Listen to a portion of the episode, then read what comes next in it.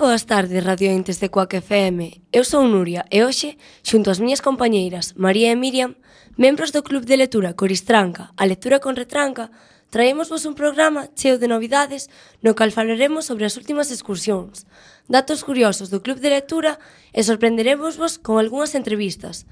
Antes de comezar, gustaríame pedirvos desculpas por falar así, e sinto moito se non se me entende moi ben, pero é que estou algo afónica debido a que, como a maioría sabedes, e os que non o saiban, xa vos lo explicaremos máis adiante con todo detalle, hoxe foi o correlingua, e berrei bastante, a verdade, como debe ser, que o que me provocou que agora fale así. Dito isto, alá imos. Para comezar, imos facer unha pequechísima pausa musical cunha canción que me encanta.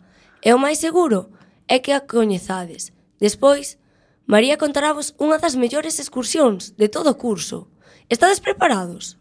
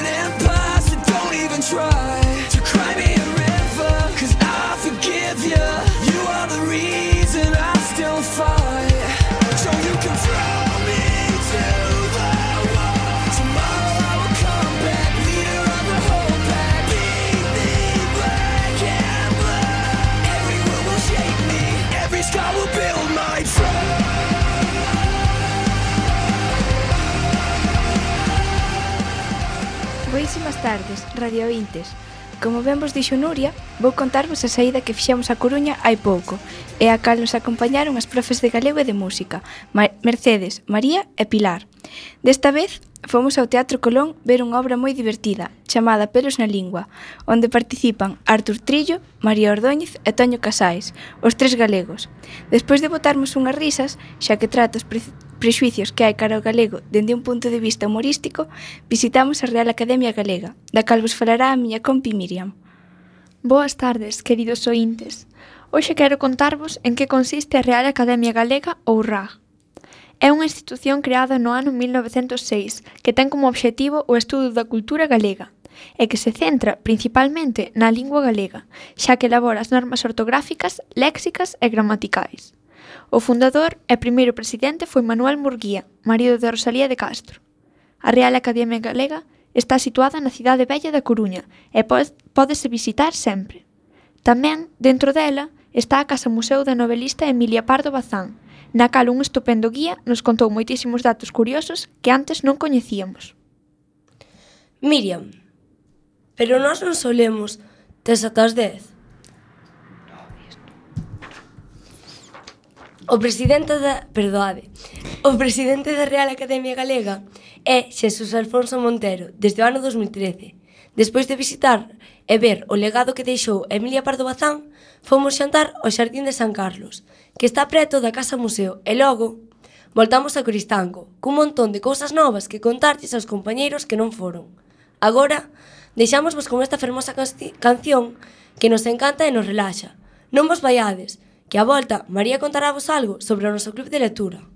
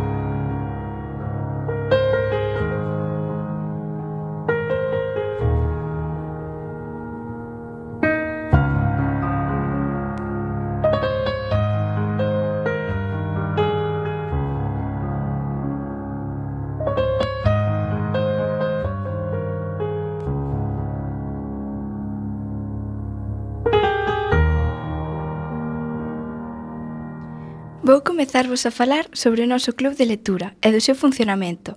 No club dános uns libros a escoller, de un ou varios escritores para que elixamos un e o leamos, aínda que sempre é moi complicado escollelos, pois todos teñen moi boa pinta. Cando os rematamos de ler, facemos unha tertulia literaria, na cal cada un conta a súa opinión do libro que leu. Agora, a miña compañeira Miriam contará vos os libros que estamos a ler. Contarei vos algo sobre os libros que lemos. A última tertulia fixámola o pasado mes de abril para falar do libro Tes atas 10, do escritor vigués Francisco Castro, o cal nos conta a historia de Antonio e do correo que lle chegara do seu pai, que había un día que falecera.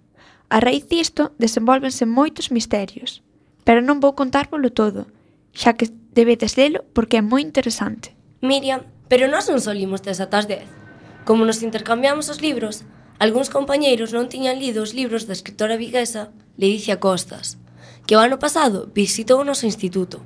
Na última tertulia, eu falei de Recinto Gris, que trata sobre unha cidade invadida por, soldado lo, por soldados lobo, co propósito de crear a cidade perfecta, xa que consideraban aquelas persoas diferentes debido aos seus rasgos. A verdade é que me enganchou moitísimo, e lino en tan só unha tarde. María, ti cal leches? Na última tertulia eu comentei O corazón da Branca de Neve, escrito por Francisco Castro, e que trata sobre o mundo das mafias, o roubo de nenos, a corrupción polici policial, e o protagonista, o inspector Hermida, é o encargado de todos estes casos. Teño que dicir que os libros de misterio non son os que máis me gustan, pero este a verdade é un dos mellores libros que puden ler. Tamén eu lín os libros de Leticia Costas e podo dicir que é unha das miñas escritores favoritas. Compas, olvidamos de dicirlles unha das mellores cousas do noso club de lectura, o intercambio. Non nos olvidábamos, Miriam. De feito, ese é o seguinte tema do que íamos a falar. Nuria, comezas ti? Sí, claro. O intercambio é fundamentalmente para coñecer a xente, no noso caso, o Ramón Otero Pedrallo. Para entrar en contacto, nos enviamos ou envíannos unhas cartas, entre as cales temos que escoller unha, e logo, votamos un tempo falando con esa persoa, E despois facemos unha excursión moi moi entretida, todos xuntos e coñecémonos en persoa. Estamos desexando que chegue o día para velos. Agora imos facer unha pequena pausa musical cunha canción da artista María Xosé Silvar, tamén coñecida como SES. É unha cautautora galega que ten cancións xeniais como a seguinte. Nos, minutim, nos minutiños estamos de volta. Música que veño sono a levarme a un paraíso. Sen santos nin guardians nin purgatorio. Que sexa o quen decida o que ilusorio. Que o traidor non se esconda tras o aviso. Que a soidade me baste Que non carcoma ausencia penetrante a miña vida Que non me dea tanto por vencida Que non sexa un segundo unha deshora Para exiliar a ser os ocos das pegadas das urxentes despedidas para poder seguir cantando cando ansí unha saída para tronzar os balos das rúas prohibidas. Antes de cambiar de tema, queremos enviar un saúdo ao profesorado e alumnado do IES Otero Ramón, Ramón Otero Pedrallo, da Coruña, Xa queda moito menos para vernos. Nenas, podo empezar a falar eu sobre o correlingua, por fi. Veña, logo, empeza ti. Ben. pois hoxe fomos ao correlingua, que para os que non saibades o que é, vou vos explicar. O Correlingua é unha marcha en favor do galego dende a esplanada do pabellón de Riazor ata a Torre de Hércules para reivindicar o noso idioma. Van institutos de toda a Coruña. É unha experiencia inolvidable, pois eu xa estou desexando repetilo ano que ven. Sigo vos a contar. Ao chegar á Torre de Hércules, reunímonos todos para escoitar un pequeno manifesto gañador e proceder á entrega de premios, como por exemplo ao da mellor ampar, pancarta, xa que os colexios as levan, reivindicando o galego. E cando isto acaba, escoitamos música tocada por un grupo de rock galego xenial, chamado Cenzar, que son de Cerceda. O único malo do correlingua é que hai que andar moito, e buf, iso cansa, eh? xa queixándote. Así quítate as ganas de a xente de participar. Ademais, non será correr, correr, correlingua. non, ó, que estaba de broma. Este ano non, porque xa pasou, pero o ano que ven, se tedes a oportunidade, deberíades participar. Ademais, se pode participar Miriam cos seus chistes malos, pode participar quen queira. Nenas, recordades que estamos nun programa de radio. Deixade de rifar e sigamos contando aos nosos radiointes cousas sobre o noso país. Xa paramos! Pois xa que parades, podíades empezar a contarlles algo que pasou hai 100 anos. Sabedes de que estou a falar? Creo que sí. Refireste as Irmandades da Fala á Asociación Gal Nacionalista Galega? Sí, pero non olvides contar porque falamos delas hoxe. Ai, eso sei no eu. Falamos delas porque este ano é o centenario da súa creación, xa que estivo activa desde 1916 ata 1931 e foi super importante porque asumiron por primeira vez o, monil, o monolingüismo en galego e levaron a cabo moitísimas iniciativas normalizadoras do mesmo. E iso fixo que hoxe poidamos utilizar o galego en ámbitos sociais, culturais e moitos outros. Pois sí que foron importantes, sí, Fixo que a maioría da xente que, non, que nos estaba escoitando non sabía nin a mitad do que nos acabades de contar, ao igual que a min. É realmente interesante e, sobre todo, importante para a cultura galega. Sí, moito. Xa que se non fora polas Irmandades da Fala, probablemente non estaríamos aquí hoxe falándolle a todos os nosos radiointes. Nin tampouco poderíamos ler en galego, nin ver a tele, nin escoitar música. E que sería de min sen un dos meus grupos preferidos? Porque é un grupo galego, sabedes? Heredeiros da Cruz, coñecédelos? Bueno, por se non os coñecedes, aquí vos deixo con unha canción deles que fala de Galicia e dos galegos, que de verdade son dignos de escoitar. Ni se vos ocorra cambiar de emisora, que de seguidiña volvemos e temos unha sorpresa preparada.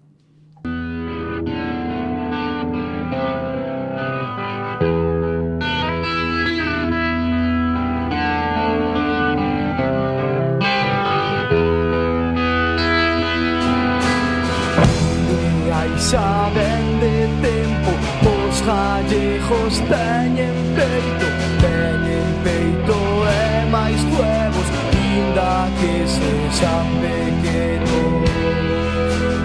Comenzaron os máis vellos Conquistando estranxeiro Invadindo continentes Prata e uns poucos ferros. Esta é a historia dun sol antes embarcar.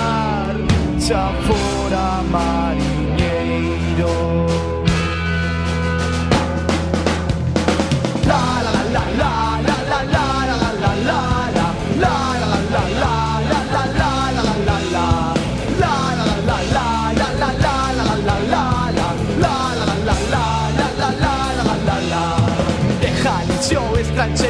4 metros e medio Camaleta e medio Currando en Calguerchoia hai 4 metros e medio Albañil ou mariñeiro hai 4 metros e medio Mi madriña voume da casa Mi madriña non fala inglés Mi madriña eu non sei nada Mi madriña non te Desdirpo estranxeiro El falou cun curandeiro Porque lle doi o peito Tiña un dolor intenso. Ai doctor, yo tengo miedo Por mi amor y mis pequeños. Ellos se quedan en casa Voy a llorar todo el tiempo.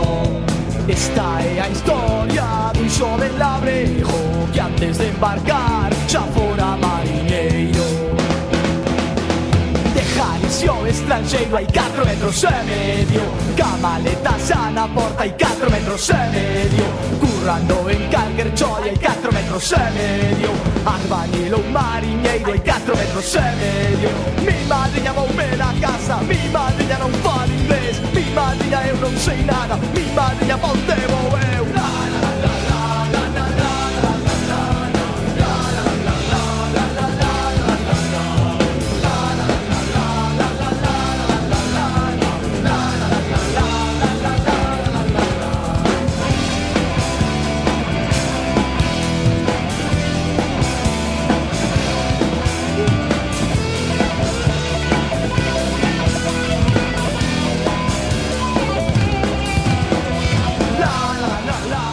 Moi ben, radiointes. Agora chegou un dos momentos máis esperados deste programa radiofónico. Nun Sintres poñerase unha escritora galega con moita sona ao teléfono e contarános un pouco sobre a súa faceta como escritora.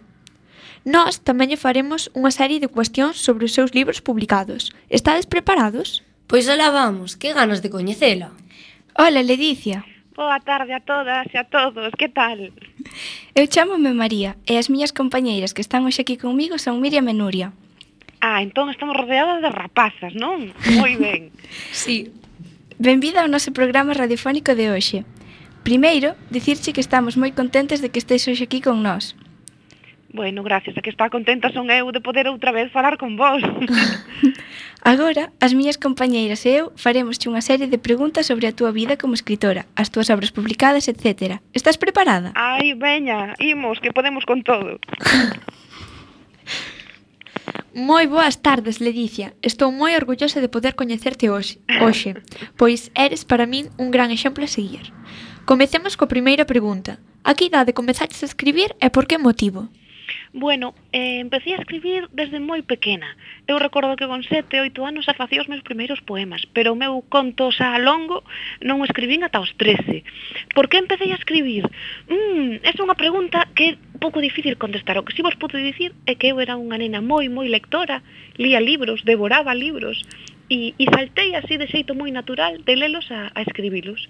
E, e, e eu algunha vez lle teño preguntado a miña nai, jo mamá, a ti non te extrañaba que eu de tan pequena estivera aí encerrada no meu cuarto eh, enchendo cadernos de libros e ela contéstame, bo, pensamos que, que xa se che pasaría, como se fora unha catarreira ou un virus, pero non me pasou, ese virus sigue e seguiu ata o día de hoxe. Hola Ledicia, eu son Nuria. Estou encantada de poder compartir este, este programa contigo hoxe. Eh, unha pregunta. Cal e cando foi a tua primeira publicación? Bueno, Nuria, pois mira, eu escribín un libro cando estaba no, no instituto, tiña eu pois 15 ou 16 anos, e escribín unha novela titulada Unha estrela no vento. Bueno, esa, esa novela titulada Un estrela no vento presentaina un premio e descalificarona porque o premio era para libros de infantil e isto non era unha, un, un texto infantil, era un texto juvenil. Pero o xurado recomendou igualmente a, a publicación da obra e saiu editada da man de, de Edición Xerais no ano 1999. Ese foi o meu primeiro libro publicado. Empezaches moi nova. Sí, era unha nena así un pouco particular. Se me mandasen elixir un dos teus libros como favorito, persoalmente eu escollería O corazón de Xúpiter. Encántame ese libro e pareceme unha obra literaria moi interesante e entretida. A que idade publicaches dito libro? Bueno, pois o corazón de Xúpiter, mira, ás veces os astros confabulan, e nunca mellor dito. Hoxe mesmo acabo de recibir a, a noticia de que coa portada xa de, de, do li desta traducción ao inglés, Heart of Júpiter, Júpiter, que vai sair publicado dentro de nada o mes que ven en, en inglés. E, e na súa versión en galego saiu publicada en, en setembro de 2012. En que te inspiraches para escribir esta novela? Pois mira, había moito tempo que eu tiña unha, unha preocupación, non que se repetía. Eu estaba convencida de que calquera día ia acontecer unha desgracia derivada do mal uso das redes sociais e do mal uso de internet, no? E, e eu recibía mensaxes de persoas descoñecidas por esa vía moitas veces e, e, e pensaba, se eu recibo este tipo de mensaxes, seguro que as rapazas menores tamén as reciben. Entón, decidín escribir este libro para alertarvos un pouco non da, da problemática e, e do que pode suceder nas redes sociais. Mm. No Club de Lectura que organizan as profesoras do Departamento de Galego do noso instituto, o trimestre pasado deronnos a escoller entre tres das túas obras máis coñecidas. Unha estrela no vento, O corazón de Xúpiter e Recinto Gris, Poderías contarnos cal, cal che resultou a máis dura de escribir? Bueno, a máis dura de escribir tal vez fora Recinto Gris e, e explico por qué. Malia que o corazón de Xúpiter trata un tema bastante complexo e, e ten uns personaxes que, bueno, que en fin, pasan cousas tristes, ¿no? para non para non revelar nada á audiencia. Pero mm, Recinto Gris escribina xusto despois de escribir un, un, un libro de relatos titulado Un animal chamado néboa, e, e foi bastante duro porque tiven que documentarme moito sobre todo o que sucedeu durante a Segunda Guerra Mundial. Entón, escribir Recinto Gris nesa época pois foi especialmente complexo porque tiña moi fresco todo o que sucedeu en Alemanha eh, na Segunda Guerra Mundial. É unha pregunta que me pica a curiosidade. Como antes nos comentaches que comezares a escribir desde moi noviña, cantas obras levas xa publicadas? Ui, pois teria que botar a conta, pero debo andar por 12 aproximadamente. Por aí ando, entre 10 e 15 anda a cousa.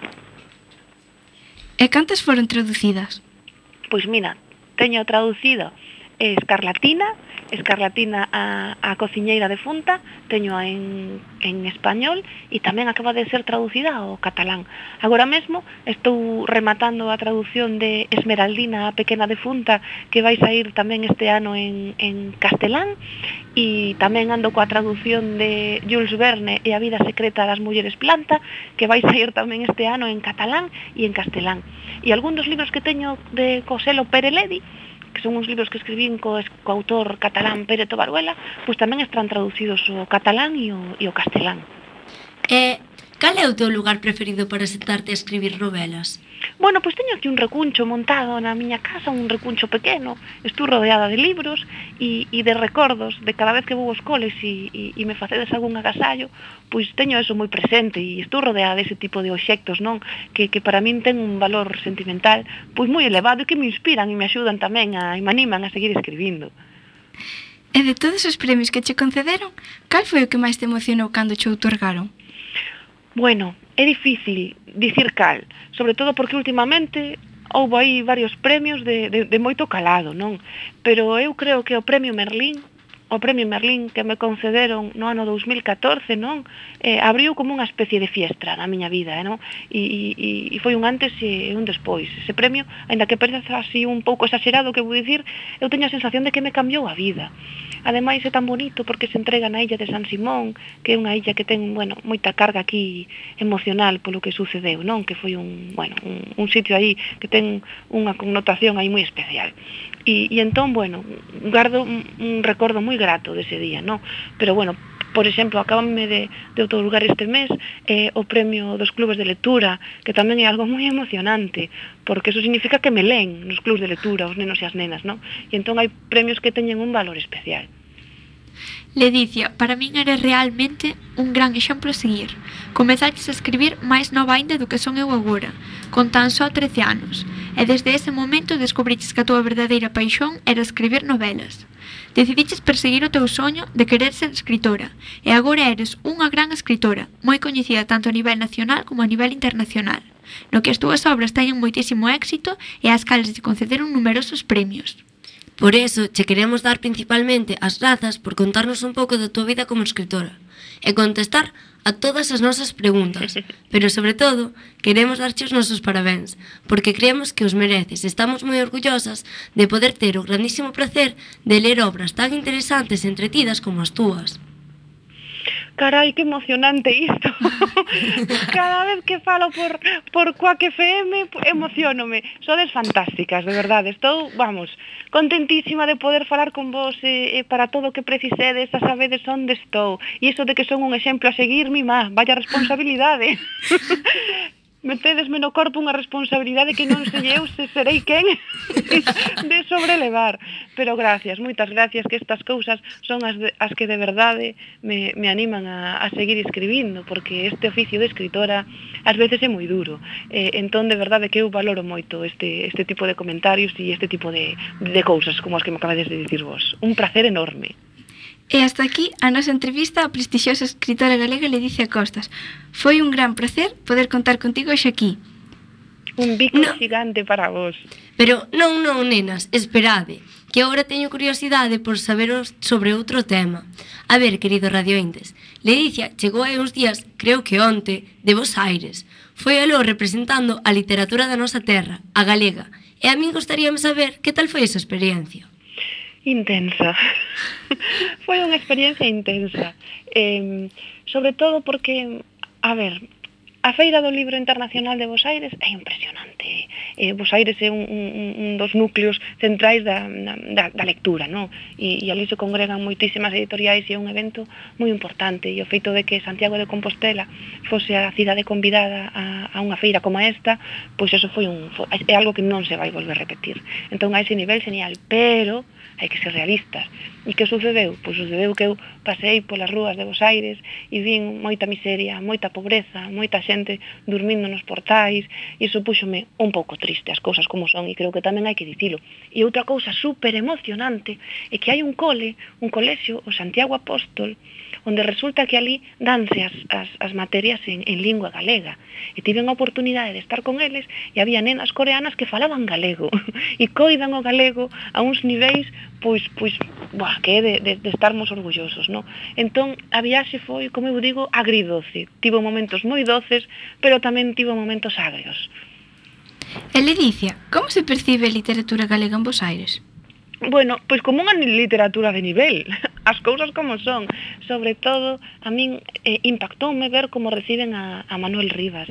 Manuel Rivas tivo, bueno, pois unha ruta aí moi moi importante, moitas entrevistas e, e cada vez que el tiña un acto, bueno, pois pois xuntábase ali unha masa de xente que estaban esperando a escoitalo que que para min foi foi un motivo tamén de moito orgullo, non? Ver como un escritor de aquí que que escribe en lingua galega, non, e, e que viaxa polo mundo, pois é tan respetado e tan considerado.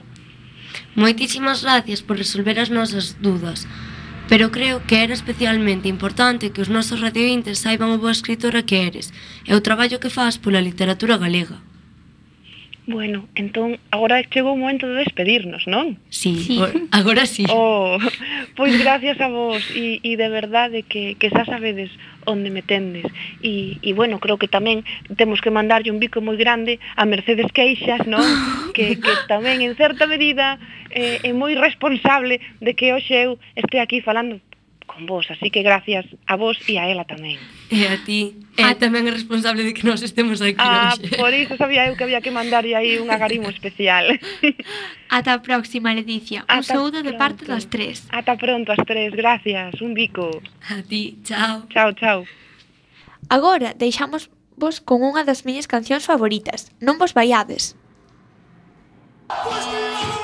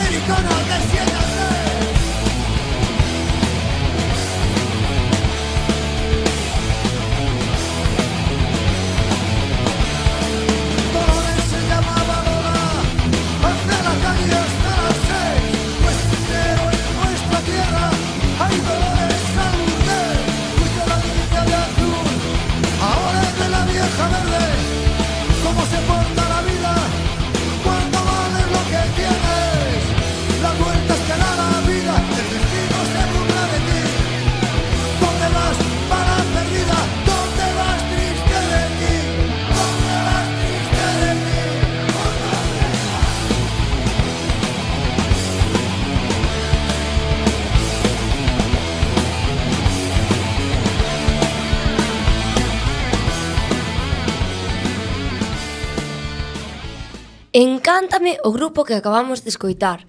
É un grupo ourensán de rock and roll, pero sobre todo encántame esta canción.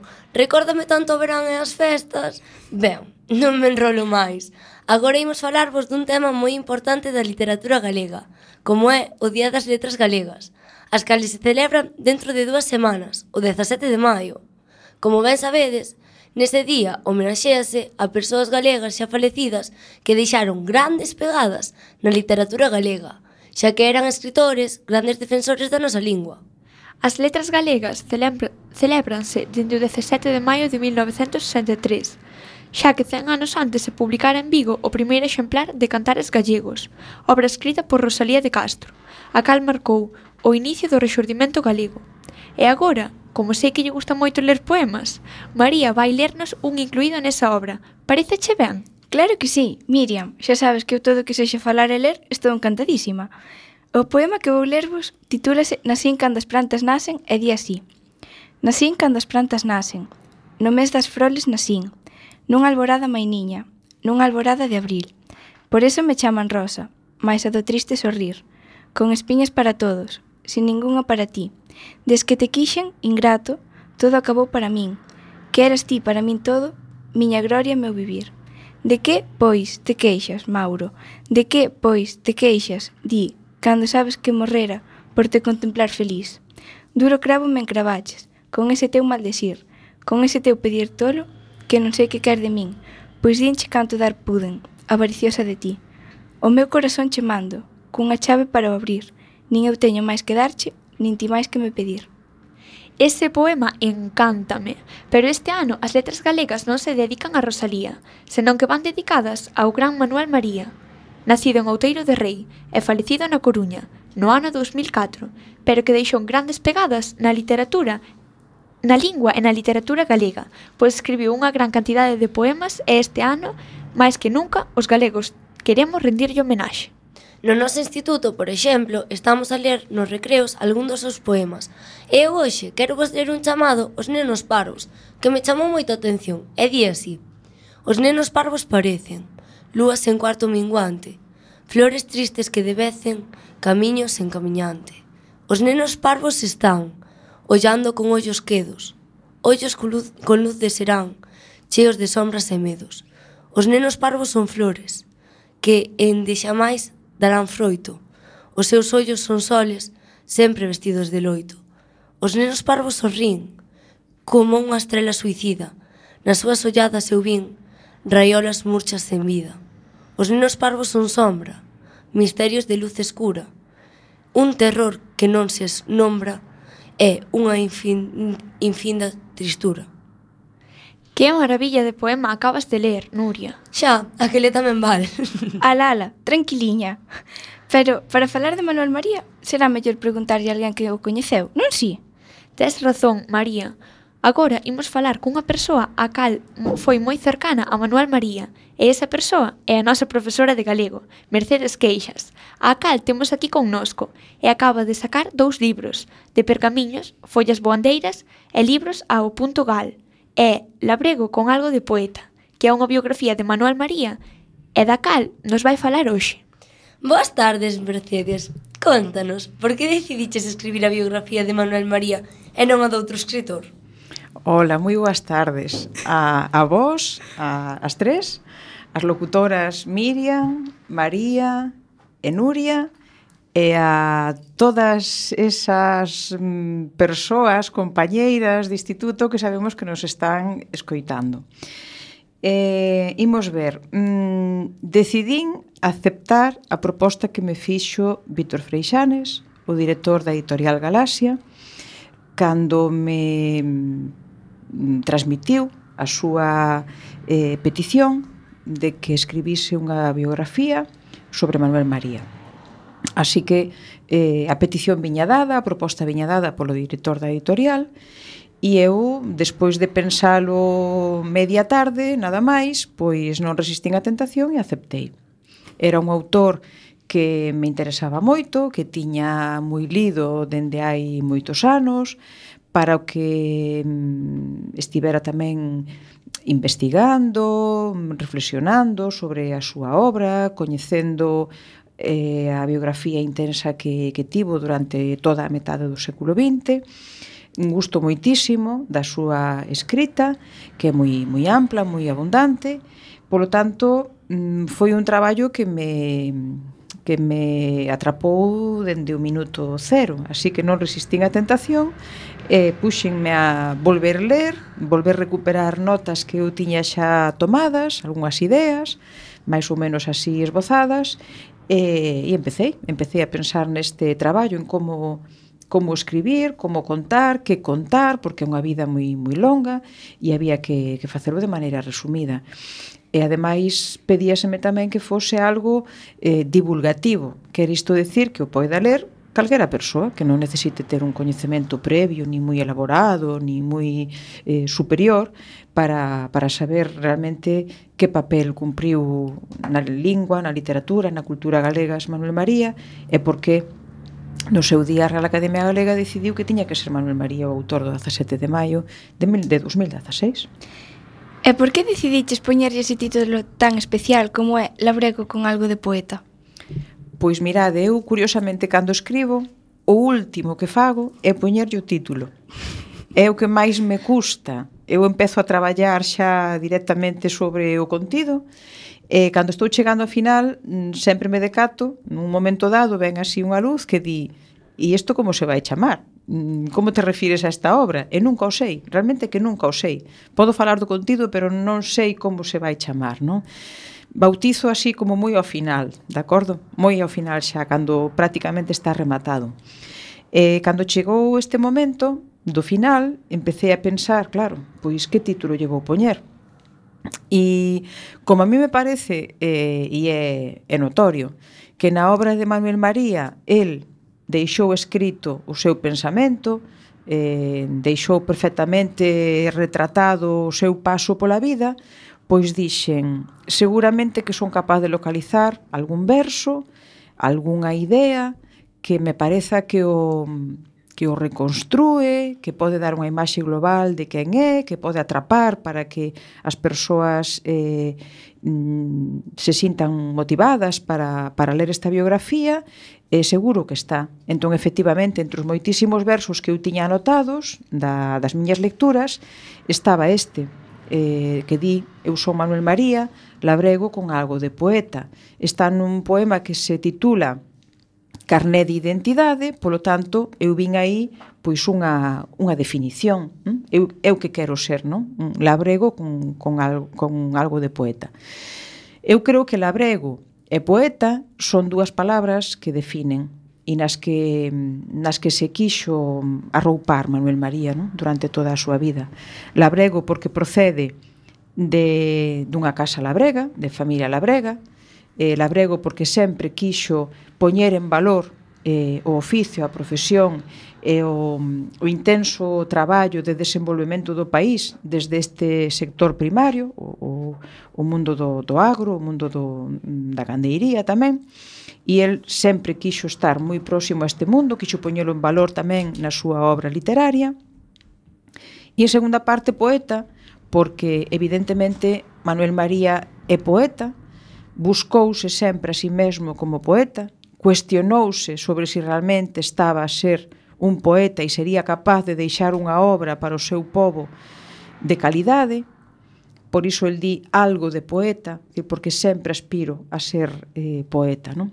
E poeta é incuestionable que o foi, porque das 100 obras, algo máis de 100 obras que asinou, máis de 50 son obras de poesía. Por tanto, creo que ninguén podemos poñer en dúbida a capacidade dun grande poeta.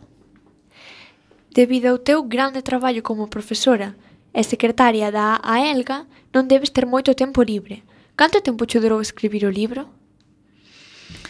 A ver, eu cando escribo teño dúas fases. Unha que é a fase mental e outra que é a fase manual, a de coller eh, agora xa non collo casi o bolígrafo, agora xa son capaz de escribir directamente sobre o teclado do, do computador. Entón, eh, foi no mes de xullo cando Víctor Freixanes me, me propuxo facer o traballo E eu empecé a pensar inmediatamente no, na, na escrita, non? a intentar sistematizar eh, algo que era tan amplo, tan amplo, en nun período de, de, de páxinas e de tempo de escrita que iba a ser tamén eh, breve. Non? Entón, no mes de agosto, cando normalmente o que fago é ler, eh, pensar no próximo curso, pois tamén busquei os tempos para volver ler outra vez eh, a obra de Manuel María e empezar a, a pensar na arquitectura deste, deste libro. E a volta de outubro, máis ou menos, foi cando xa me puxen eh, dunha forma rápida, intensa e intensiva, como fago habitualmente, porque para min o da escrita é ás veces tamén algo impulsivo, Igual hai un tempo en que non sai, en que está na cabeza, pero hai outro tempo en que xa de repente pois, pois sai a, a redacción, non? E a partir de, de outubro, e o fixeno moi rápido, fixeno moi rápido porque sabía que, que cumpría facelo rápido para que pois, o público tivese esta obra canto antes, non, non ter que agardar a maio, a editorial tamén mo, mo pedir así, e pasei aí pois eh, dous meses eh, algo máis escribindo eh, continuamente e ao mesmo tempo que revisaba eh, a súa obra non? non é moito tempo eh, foi bastante intenso, insisto, mas o compromiso era que, que estivese entregado o original a, a editorial para preparar eh, o que a maqueta do, do libro para buscar as imaxes que necesitábamos, queríamos que levase fotografías do seu álbum eh, persoal, para preparar todo o proceso de edición, que tamén leva o seu tempo, eh, queríamos que estivese pois, en, en decembro, xaneiro, e, aínda que me retrasei un chisquiño, é verdade, pois é que tamén me pasei un pouquiño no número de páxinas que me deran, pero todo mo consentiron e o libro saiu así mm, o máis pronto posible e nunha, nunha boa edición que eu lle teño que agradecer a Editorial Galaxia. Mereciu a pena a espera? Mereciu a pena o traballo. E a espera, pois xa terán que, terán que dicilo outros. Para min mereceu a pena o traballo, porque tiña ganas de poñerme a escribir sobre un autor que, que adoro, sobre unha persoa que admiro, admiro a profundamente como, como persoa galega que amou sempre por riba de todo o seu país, que quixo coñecelo a fondo, que quixo coñecer a súa historia, quixo coñecer a súa identidade e quixo contribuir a seguir dándolle un valor de, de presente pensando no futuro, nas novas xeracións. Por lo tanto, é unha persoa que, que admiro Hoxe que estivestes falando no programa do Correlingua, teño que dicirvos que nas primeiras convocatorias do Correlingua, cando Manuel María vivía na Coruña, el sempre eh, participaba e asistía ao Correlingua. E así o demostra pois, a hemeroteca e as fotografías que, que moitos conservamos. Era o que se poñía ao frente, porque a defensa da lingua galega que vos eh, falades espontaneamente, que tedes como lingua inicial e que, que manexades con unha soltura que xa moitos quixeran, porque eu sei que vos envexan, con unha fonética bergantiñá fermosa e poderosa, eh, Manuel María estaría hoxe moi, moi ilusionado con ese sorriso tan fermoso, tan xeneroso que tiña e con eses ollos azuis que, que seguro que hoxe brillarían con vosco dunha maneira moito máis especial. Gracias. E que tal che vai presentando o libro? Tes algunha anécdota que contarnos? Ui, vaime moi ben, vaime moi ben. Todos os días teño as tardes, cando remato as clases de pola mañá, no, no noso instituto de, de Coristanco, pois teño, teño algún bolo, teño algunha actuación, algunha presentación, eh, formatos variados, a verdade, non? Moi ben, moi ben, porque Manuel María foi unha persoa moi querida en vida, moi querida, era continuamente reclamada a súa palabra, o seu pensamento, o seu saber, que el compartía dunha forma sempre eh, moi, moi xenerosa, era un boísimo conversador, un magnífico eh, comunicador, E agora o que está pasando é xusto o que esperábamos, e era que todas as persoas queren volverlle o, o cariño, queren agradecerlle tanto como el nos deu en vida, agora que xa non o temos, pero temos a súa obra, temos o seu exemplo, temos a súa coherencia, temos a súa ética de vida, moi moi profunda, moi asentada, con moitas raíces e polo tanto o que a xente quere compartir agora é iso, quere volver a el coa súa obra, quere coñecelo.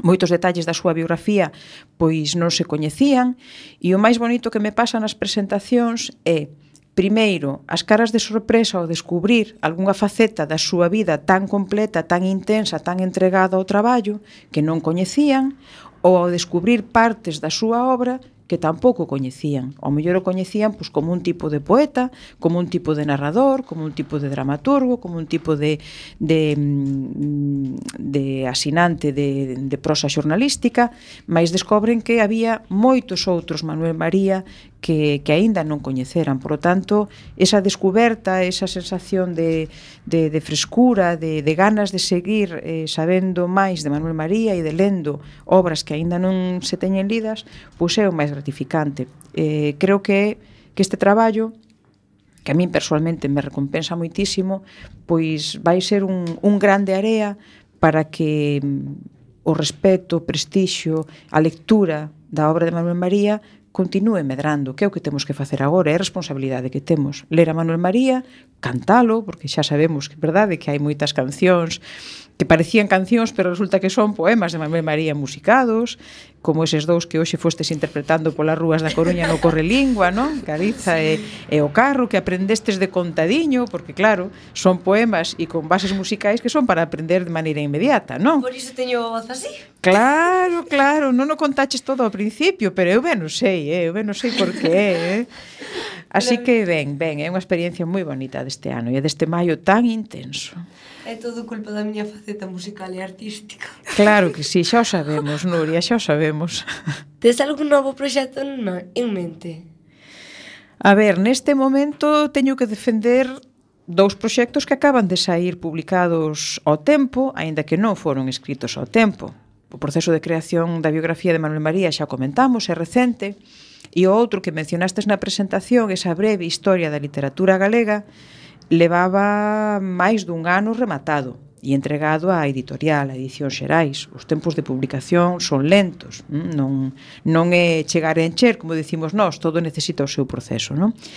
E coincidiron agora, entón, pois teño que presentalos os dous, son os dous fillos queridos, eh, amadísimos, traballadísimos, e teño que ir con eles da man para que se vayan eh, independizando pouco a pouco a medida que van collendo o corpo, non? Polo tanto, non son momentos de de escrita, de concentración para a escrita. Eh, si sí é certo que hai traballos que están a medias, que hai eh, cartafoles no computador ou, ou en papel, onde sempre hai anotacións de proxectos que están aí, en mente, que xa se irá vendo se, se saen ou, ou se non saen, non? Pero, Radio Intes, este non é o primeiro libro que escribe a nosa profe, e esperemos que non sexa o último. Mercedes, de todos os libros que escribiches, cal foi o que máis te gustou e por qué? A ver, isto pasa como cando se lle preguntan a un pai ou a nai a que fillo queres máis, non? Ou a unha filla ou un fillo queres máis a papá ou a mamá. Eu teño por todos eh, un, un profundo agradecemento porque sempre me sentín eh, lida e, e recoñecida, digamos, non? Sempre sempre percibín o retorno deses tempos de escrita que son xa vos lo decía antes tamén Ledicia, non? Son duros, eh, son moi solitarios, eh, donde hai que renunciar a, a ter outro tipo de, de tempos compartidos ás veces con persoas ou, ou non a facer o que che gusta, o que che apetece en cada momento, non? Por lo tanto, eu pues, sempre me sentín recoñecida, que había un, un retorno Mm, das, das lectoras, dos lectores que, que é moi agradable, non? É unha, toda unha recompensa. De todos os xeitos, si teño que decir que hai un traballo que me marcou moito máis um, humanamente tamén, non? tamén como lectora, que foi a biografía de María do Carme Krukenberg Sanjurjo, da poeta de Vigo, eh, que foi un texto que naceu a partir de casi dous anos de conversas con ela. Por lo tanto, foi un tempo moi intenso para chegarme dunha maneira mm, física, eh, presencial, por tanto, e para coñecer o seu territorio máis persoal e íntimo mm, pois dun xeito que, que non é habitual. Por lo tanto, sí que foi un traballo que, que me marcou máis, durou máis tempo e emocionalmente pois mm, tivo un, unha riqueza moi superior a, a calquera outro. E cal foi o libro que máis te custou escribir? Pois seguramente, en primeiro lugar, eh, esa biografía de María do Carme Krukenberg, polas razóns que vos comentaba agora, pola, pola proximidade física, eu era un traballo que, que quería que María do Carme se sentise cómoda, eh, satisfeita, eh, e, e, bueno, creo que, que o conseguín, pero foi un, un tempo de escrita pois longo e, e moi intenso, non? E en segundo lugar este último, a biografía de Manuel María, por moitas razóns. Era un reto grande porque é un autor, xa vos digo, dunha obra inmensa, son máis de 100 títulos os que asinou, de todos os xéneros, con unha vida moi activa, moi implicada en todos os sentidos, sentidos social, eh, cultural, políticamente tamén, cando correspondeu, Eh, por tanto, era unha obra difícil de sintetizar nun número de páxinas tan, tan limitado como se me indicaba por parte da editorial. E segundo, porque en relación tamén co que vos decía da biografía de María do Carme Krukenberg, pois eu tamén o coñecín, eh, tiña pois, bueno, unha, unha certa relación, eh, e é un perso unha persoa que está aínda moi moi próxima, que é un presente absoluto, non? E está aí Saleta, está Saleta Goi, a súa compañeira, que, pois, evidentemente, aínda que me deu toda, toda a confianza do mundo, eh, todo o apoio, pois, eh, traballar, falar de persoas tan próximas, tan, tan afectivamente cercanas, é complicado. Eh, pois moitísimas grazas por estar hoxe aquí connosco, presentándonos o teu libro e aclarándonos algunhas dúbidas sobre ti e o teu traballo. E tamén, grazas por facer que estemos nos aquí como locutoras, pois sentir non sería posible. Moitísimas grazas a vos. Grazas, Mercedes. Moitísimas grazas, é un placer traballar con vos. Grazas. Agora xa está a piques de rematar o programa. É verdade, bótasenos noso tempo en riba. Tedes razón. Ben, querido radiointes, ata aquí o programa de hoxe. O tempo foi senos voando. Foi un placer estar aquí e esperamos volver